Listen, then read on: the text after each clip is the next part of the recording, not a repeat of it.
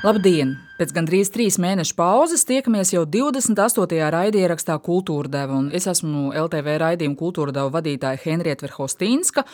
Tā nu ir sanācis, ka gluži kā iepriekšējās sezonas pēdējā podkāstā, šodien tiekos arī ar savu kursa biedreni no teātra kritiķa kursa. Attiecīgi teātra kritiķa, teātra zinātniece Līga Ulberta. Sveika, Līga! Labdien! Pavisam drīz mēs ar līgu finišēsim 2021. un 2022. gada sezonas spēļu nakts žūrijas sastāvā. Un Līga jau daudzus gadus ir arī Latvijas Kultūras Akademijas asociētā profesore, un šoruden ir uzņēmusies jaunu, godpilnu, ļoti lielu atbildības slogu uzliekošu pienākumu vadīt skatuves mākslas katedru. Tātad tu būsi atbildīga par to, kā skolosies mūsu aktieri, režisori un laikmatīgās dēļas horeogrāfi.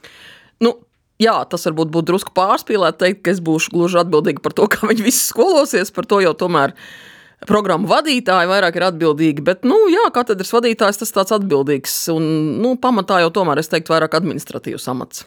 Ko no tevis īsti sagaida šis darbs? Nu, tas ir pirmkārt, protams, liels gods. Tas ir jāatzīst. Es, protams, te smējos, un visi jau to zina, kas man apsveic ar šo amatu. Es visiem saku, ka es pieņemu tikai līdzjūtības, nevis apsveikums, jo tas ir ļoti daudz dažādu papildus administratīvi pienākumi un atbildības. Bet es, protams, arī apzinos, ka tas ir liels gods, liela uzticēšanās. Oh, Tīpaši tāpēc, ka es tomēr kultūras akadēmijā strādāju salīdzinoši, varbūt ne, ne tik ilgu laiku. Uh, nu, pamatā Katedras vadītājs tas ir amats, kas uh, nodarbojas ar studiju procesu, tādu administratīvu organizēšanu, arī ar, protams, tādām strateģiskām lietām, uh, bet, nu, jāsaka, es tikko esmu sākusi, tā kā es vēl tādas nākotnes vīzijas šai ziņā nevaru ļoti zīmēt. Ko tu atbildētu uz mūžīgo jautājumu, vai jauno režisoru, vai jauno aktieru, vai jauno laikmatīgās dēļas dejotāju nav par daudz, un kur viņi visi paliek? nav par daudz, bet jautājums tiešām, paldies, ir ļoti vietā, jo šo jautājumu tiešām ļoti daudz uzdod nemitīgi atkārtodami. Nu, es varētu jautāt pretī, juristu nav par daudz, ekonomistu nav par daudz. Kaut kā tomēr 80% eh, mūsu absolventu atrodas darba profesijā. Protams, vienmēr ir kaut kāda daļa, kas, eh, kas aiziet kaut kur citur, kaut ko darīt, bet tas ir normāli un tas absolūti visās jomās tas tā ir. Eh, bet redz, mēs taču redzam īstenībā teātrī, vai ne cik daudz visādi jauni projekti, laikmatīgās mākslas, gal galā tās norises un formas ir tik ārkārtīgi dažādas. Kā nu, man šķiet, mēs par tādu bezdarbu runāt, manuprāt, pilnīgi nav pamata. Cita lieta, ka, protams, konkurence jau gan skaidrs, ka aug.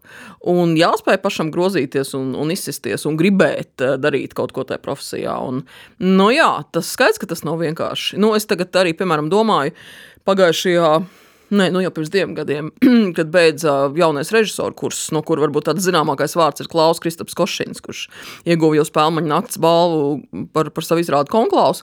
Uh, jā, nu tātad šo kursu beidz 13 jauni režisori. Nu, protams, ka tas, vai viņiem izdosies radīt savu tas, vārdu. Kurs, kur ir Endija Bērziņa, Endija Bērziņa, jā, un Henrijs Arājs un, un Jurģis Lūsis un Evi, Evita, nē, vārdus pieprasīt, neatceros. Elīze Dombrovska, es atvainojos.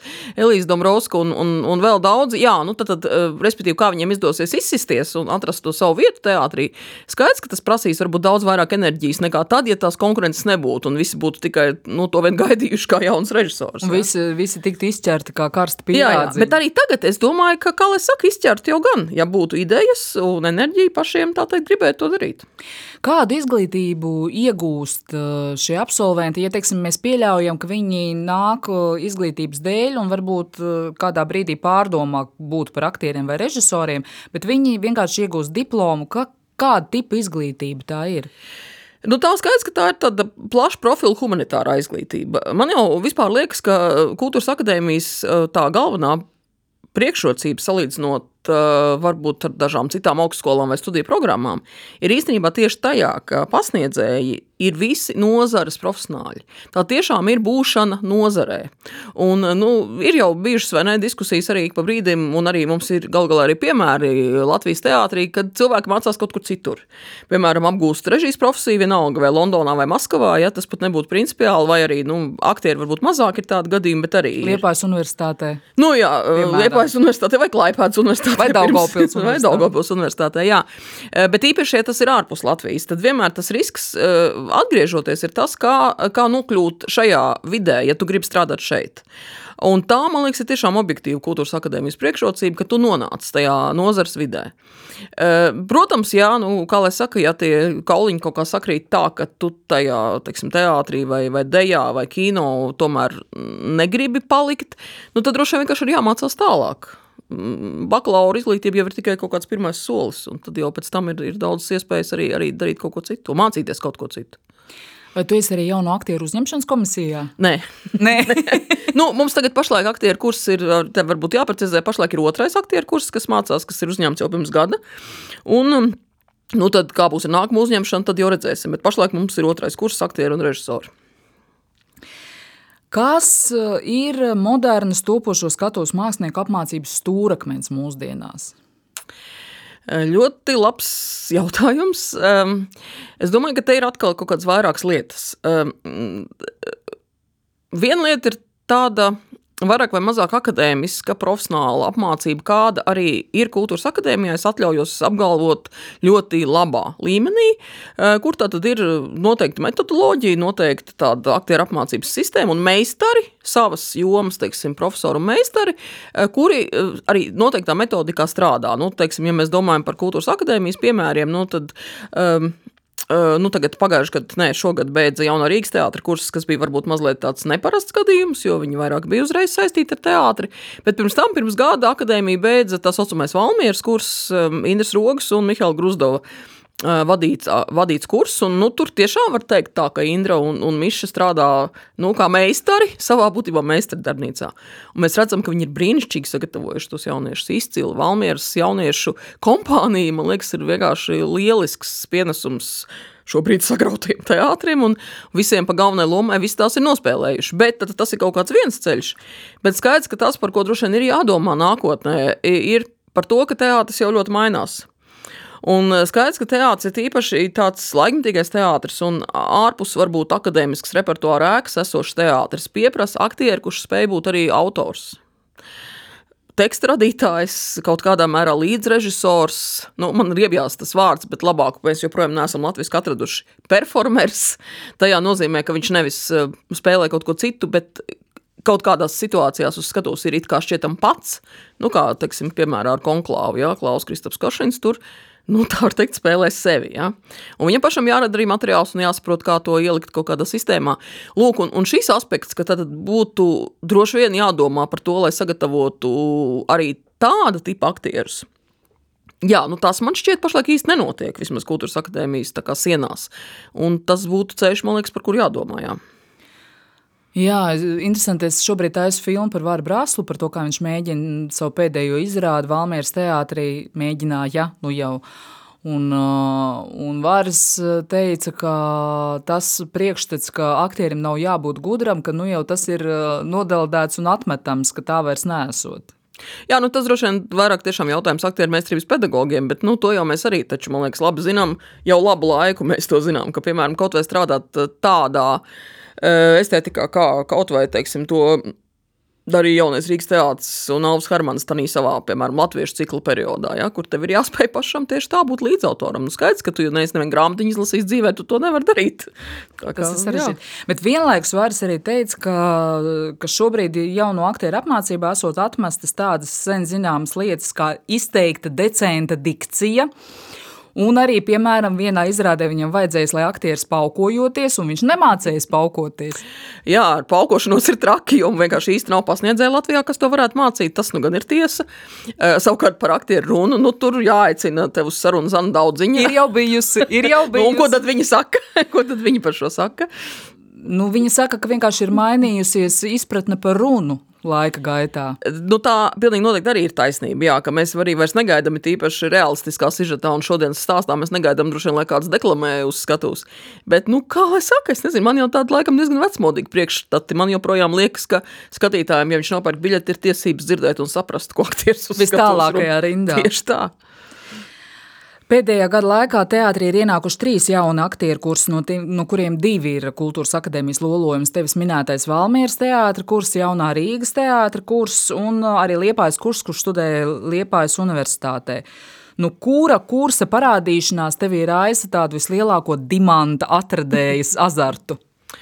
Nu, tas jau teicu, laikam, Valmīras kurs. Jā. Man tiešām šķiet, ka tur kaut kā ir, ir ārkārtīgi veiksmīgi sakritušas zvaigznes, darba spējas, apmācības sistēma un tā.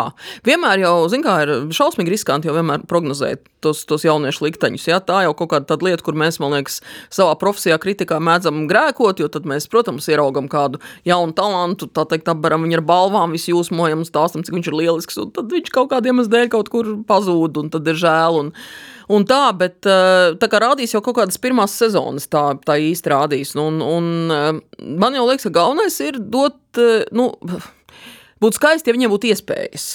Tas man šķiet, tas galvenais. Viņi nenēsātu paplātes. Jā, tieši tā, ka viņiem būtu katram iespēja parādīt, ko viņš patiesībā var. Jo skaista skola ir skola, teātris ir teātris. Nu, lūk, un te man šķiet, tas Valmieras gadījums ir vienkārši brīnišķīgs. Patiešām visiem ir dot iespēju, un visi ir izmantojuši. Tas ir skaisti. Daži ir arī jau aizvilināti uz dēls teātri. Jā, Dažas, jā, jā, sakot, arī, arī tas, jā. Aktrises Milena un Karīna. Un Kārlis Avots arī. Un Kārlis Avots, pareizi, no tā mm. paša kursa. To es jau biju laimīgi piemirsusi.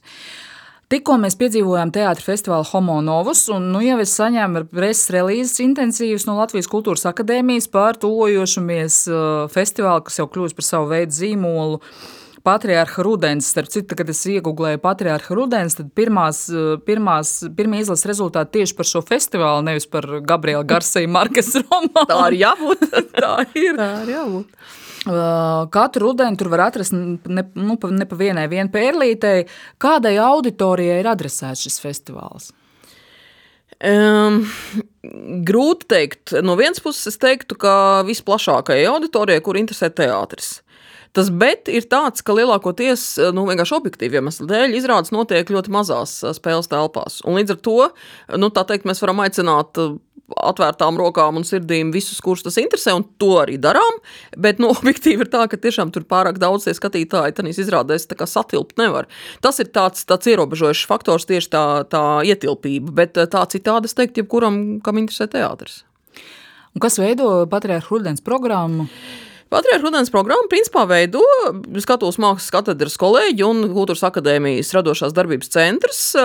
Nu, vispār festivāls ir profesora Jāņa Siliņa lolojums, un viņš arī ir festivāla patrons un tēvs. Es domāju, šī vārda vis visādās nozīmēs, un ļoti arī tur rūpi un organizē un atbild par to. Katru gadu tas piedāvājums ir vienkārši faktiski izriet no tā, kas nu, kas nu konkrētajā brīdī nu, ir tā teikt tajā, tajā mūsu lādītē. Un ir, protams, tādi gadi, kad te lādītē ir vairāk, vienkārši tāpēc, ka, piemēram, tādā gadā ir teiksim, režisoru pēdējais kurs vai, vai tikko absolventu kurs un tā. Šogad ir uh, tādā ziņā, nu, tās bakalaura programmas piedāvājumi mums te lādītē mazāk, jo režisori pašlaik ir tikai otrā kursā un rādīs savus, uh, faktiski pirmā kursa, kursa darbus, absurdu lūgu iestudējumus. Bet toties un būs... tu vadīsi diskusiju par absurdu teātri. Jā, jā, redzēju, jā. redzēju. Jā, tas arī ir plānā, vairākas diskusijas plānā arī šī. Bet eh, tas, kas ir ļoti interesants šogad, un ko tiešām es ļoti gribētu reklamēt, eh, pirmkārt, mums ir, eh, man šķiet, viens ies tagad, nekļūdos, maģistra darbs programmā. Ļoti interesanti izrāde. Liepājas teātra, Liepājas teātra aktiera Mārtiņa Kalitas režijas diplomdarbs izrāda noslēpumainās variācijas. Bet tā jau notiekot kaut kur uz salas. Nu, oriģinālā tā notiek Liepājā Zirgu salā, bet Rīgā izrāda tiks spēlēta tādos drusku pielāgotos apstākļos Smilģa dārzā teātra mm -hmm. muzejā. Nu, bet tas ir ļoti aicinu nepalaist garām. Divi lieliski aktieri, Kaspars Gods, Sandra Pēcis, lieliski luga, noslēpumainās variācijas, divu vīriešu dialogs, un, un, un Mārtiņš, ir, Mārtiņš Kalīt ir liels malacis, kurš spēj savienot intensīvu darbu teātrī, štata, kā štata aktieris un uh, nu, pabeigt režijas studijas. Uh, lūk, tas, un tad vēl kas ir šogad pilnīgi no jauna. Mums ir arī divi kolēģi, patiešām jau nozares absolūti profesionāļi, kuri studē profesionālajā doktorantūrā. Tas ir dramaturgs Ivo Briedis un horeogrāfa Ramona Galkina. Un viņi būtībā ar saviem uh, jaundarbiem Uh, arī startē šajā festivālā, jo viņi kaut arī ir pieredzes bagāti profesionāļi, ir arī zināmā mērā studenti, šobrīd doktoranti. Ja? Un Ivo Briedim ļoti interesants projekts, starp valstu starptautisks projekts Anglikāņu baznīcā. Normālu torti lūdzu ar šādu nosaukumu. Tas būs angļu valodā, un Ramonai Galkinai ir attiecīgi dejas projekts vienā no vakariem. Tas man liekas ļoti, ļoti vērts tam pievērst uzmanību. Paldies tev liels par ieteikumiem. Ņemšu arī personiski, jo es katru gadu tomēr uz kaut kādu vismaz vienu vai divām izrādēm patriarhu neaizēju. Uh, studentu izrādes mēs spēļu naktī esam nolēmuši nevērtēt. Kaut arī bija izņēmums, ka tā pati Klāva Kristapa uh, Košina izrāda konklāvs, kur ieguva spēļu nakts balvu nevis pagājušajā, bet aizpagājušajā sezonā. Vai to, ka mēs nevērtējam tās studentu izrādes, vai to nevajag mainīt? Es īsti nezinu. It kā laikam tagad jau mēs cik gadus esam vienojušies, ka mēs vērtējam studentu izrādes tikai tad, ja tās, nu, teiksim, tie ir diplomu darbi, un nākamajā sezonā šo diplomu darbu kāds teātris paņem savā repertuārā. Tajā brīdī žūrī to skatās, un tad, tad konklaus bija Dertie Dila teātrā repertuārā, un, un man liekas, ka tāpēc arī tika vērtēts. Tāpat arī notika, piemēram, ar savulaik brīnišķīgo Elmāra Senkova iestudēto tā saucamā leļu aktieru kursu diplomu darbu medības, kurš arī, nu, tad nokļuva iekļuva teātris trupas Sarte. Tad ir repertuārā, un tad mēs viņu varējām skatīties un vērtēt. Es nezinu. Es domāju, ka tas iemesls, kāpēc tās studenti izrādes savulaik tika izlemts, tomēr nevērtēt, ir tas, ka vienkārši īsti cilvēki viņus nevar redzēt. Un, un, nu, tas vienmēr ir diskusija jautājums spēļu naktī. Ja, tas mēdz ik pa brīdim skatītāji būt tādi neapmierināti, un reizēm arī, arī nozars kolēģi mēdz būt neapmierināti. Jūs tur apbalvojat kaut ko, ko neviens nav redzējis, jūs tur kaut ko tur esat noskatījušies, bet vai par to var spriest? Nu, man tas vienmēr licies bijis tāds izdomāts iemesls, bet var jau būt, ka tas ir tiešām iemesls, kas jāņem vērā. Mm. Mm. Mēģināsim izslīdēt korekti caur uh, stilu un haribdu. Uh, ko nosaka spēļu žūrijas ētika, par kuru tu teici, ka mēs neviens neesam parakstījušies. Bet nu, mēs apmēram spējam nojaust, kas tā ir un aprunāties par iepriekšējo sezonu un latviešu teātri vispār, un principā par Latvijas teātri, jo Latvijā ir arī vairākas krievalodīgās trupas, starp citu, kā to vērtē. Kā mums šobrīd ir krievalodīgās trupas? Man vispār tas liekas kaut kāds atkal izdomāts jautājums. Nu, kāpēc lai nebūtu? Kāpēc nevarētu būt teātris, kas spēlē krievu valodu? Nu, šobrīd, kā tu zini, ir ļoti aktivizējusies atkrievošanās kampaņa visādos uh, sociālajos mēdījos uh, saistībā ar uh, karu Ukrainā.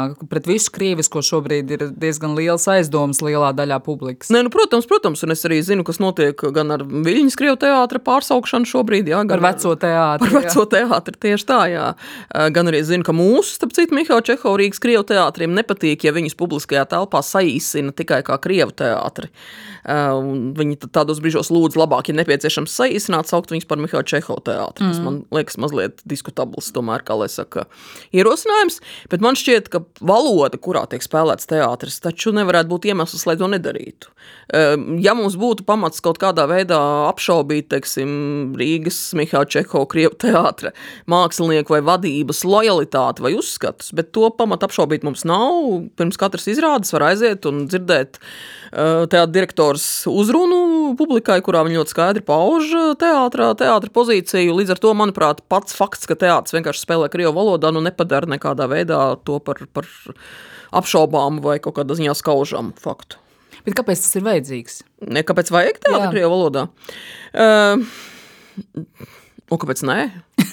Nē, nu, bet varētu, Vispār varētu taču, jau būt dažādās tieši valodās. Tā, mums teātri. taču varētu būt, ja mums būtu profesionāli aktieri, mums varētu būt teātris arī, nezinu, angļu, vācu, ukrāņu, nu, ukrāņu valodā. Kāpēc nē? Es, es neredzu. Jautājums ir par profesionalitāti. Ja mums ir profesionāli aktieri, kas pie tam ir izglītojušies, lielākā daļa no viņiem ir izglītojušies Latvijā. Eh, cits jautājums varbūt būtu par to, vai, vai, vai nu, Jā, nu, kā piemēram, pilnīgi visiem Rīgas krievu teātris māksliniekiem ir ar valsts valodu. To es nezinu. Un šīs valodas pārvaldīšana ikdienā. Bet tā nav mana kompetence. Es zinu, jo es regulāri aicinu viņus uz teātra zipa savukārt raidījumiem, un, un viņiem ir kaut kādi konkrēti personāži, kurus vienmēr izvirzu uz šiem raidījumiem, un tie runā ļoti labi. Ekaterina Frolova Protams, un, un Aleksandrs, un vēl tur veseli, ka mm. ir cilvēki, kas ļoti labi runā. Mums ir mūsu metrs Rafalsons varbūt iemācās no galvas latviešu valodā tekstu, kad viņam ir jārunā latviski kaut kādos seriālos, un viņš varbūt nespēja šo valodu pārvaldīt ikdienā, bet tā principā tur runā latviski. Nu jā, bet tas, tas katrā ziņā, protams, varētu būt jautājums, ko ir tiesības mm. uzdot, un varbūt arī ir vērts kaut kā to tam pievērst kādreiz uzmanību, bet tas, ka teātris izrādes varētu notikt jebkurā valodā, es patiešām tur neredzu problēmu. Bet atgriezīsimies pie iepriekšējās sezonas, kur mēs ar tevi vērtējām spēlmaņu nakts žūrijā. Vai tavuprāt, pēc tā tā bija tāda pirmā pēc-covid sezona. Nu, Covid gan nav beidzies, bet, nu, principā sezona, kurā bija beidzot skatītāji, kuros varēja parādīt izrādes, kas iepriekš iestudētas un skatītājs nav redzējušas. Vai tavuprāt šī sezona ir vairāk kā tāds mm, krāšņs līdzenums vai tāda kalnaina ar virsotnēm augstām? Mm, nezinu. Vispār jau droši vien līdzenums vairāk. Dažas virsotnes ir. Es domāju, ka mums katram ir kaut kādi savi favorīti, tādi nepārprotami. Man arī, protams, ir, ir dažas izrādes, kuras, kuras nu, tā es noteikti varētu uzreiz atzīmēt kā tādas sev ļoti būtiskas. Bet, nu, jā, es domāju, ka drīzāk jau tomēr līdzenums. Krāsains pietiekami, bet, bet līdzenums. Vai tavuprāt, Latvijā teātri pietiekoši runā par kaut kādiem degošiem ikdienas šodienas jautājumiem, ko, manuprāt, cilvēki atkal vēlas dzirdēt mm. un redzēt teātros? Jā, es nezinu. Droši vien, ka nē, droši vien, ka nepietiekami runā. Tādā ziņā es tiešām no visas sirds apbrīnoju un cienu Alvu Hermanu par viņu spēju patiesībā jebkuros laikos izdomāt, izrādi, radīt izrādi no tā, kas reāli apkārt notiek. Ne jau šogad nu, bija divi, divi šie projekti, ja, kas parādījās postscriptum ar Čulpanu Hamatovu un, un tā, tā, tas sliktie ceļi. Sliktie ceļi jā. Kas nebija, cik es saprotu, iepriekš teātra plānos, bet dzīve, tā teikt, diemžēl piedāvāja šādu saturu un tā teikt, uz to Valsts Harmanas spēja dzīvi reaģēt. Nu, tā, man liekas, ir tāda īsta mākslinieka īstenībā pazīme. Nevelt arī savulaik tāpat bija ar Garo Alviju to čekus izrādīja, kur jā. vienkārši viņš izdomāja izrādi un, un, un, un 6,5 stundas un ārpus repertuāra plāniem problēma un ir. Ja?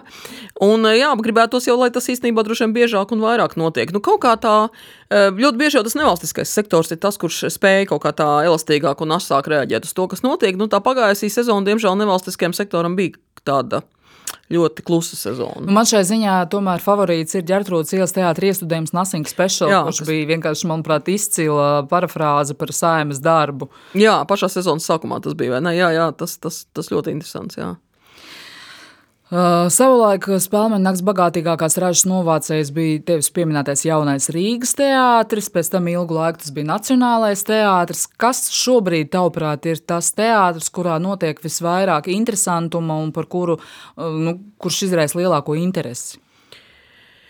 Droši vien jau, ka dotajā brīdī tas tiešām ir dēls teātris ar to neparedzamību uh, un, un lielo viesrežisoru skaitu, bet uzreiz es gribu teikt, ka nu, es tomēr domāju, ka tā nevar būt ilgtermiņa stratēģija teātrim, ko dēls teātris šobrīd piekopja. Skaidrs, ka tie režisori lielākoties, ne arī ne visi, bet lielākoties tie citu cit valstu ārzemju režisori, kas te atbrauc un strādā, tas ir, protams, interesanti un negaidīti.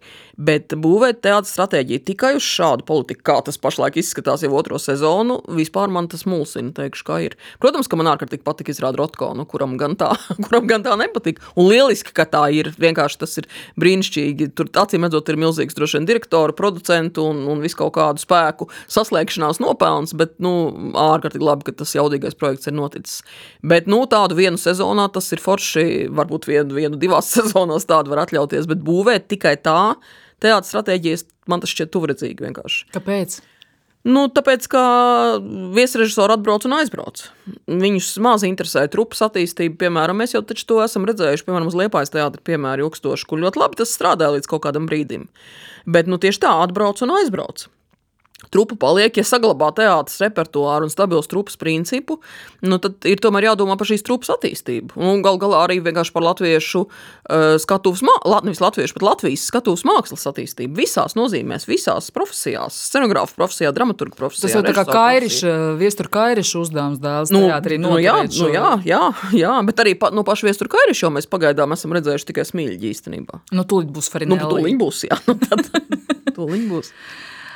Uh, kuras šobrīd repertuārā esošās izrādes būtu jāredz katram inteliģentam cilvēkam? Man šo jautājumu uzdod katrās viesībās, kuras parādos, un kur cilvēks zina manu profesiju. Droši vien tev arī. Jā, man tieši tā, man arī. Un es vienmēr ļoti sasprindzinos un kaut kādu sarakstu nosaucu.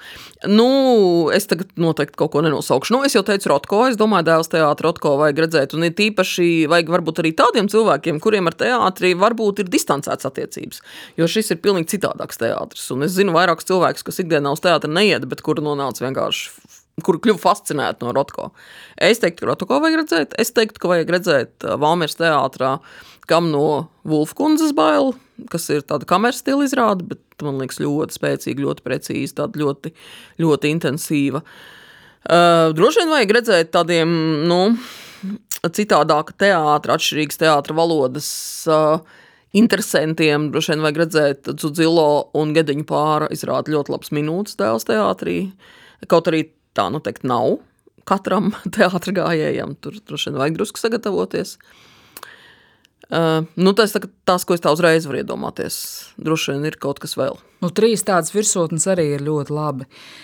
Mēs ar tevi esam apguvuši teātra kritiku pie Silvijas Radzobas, un tas mūsu biogrāfijās ir nesis dažādas krāsas, kā mēs ļoti labi zinām.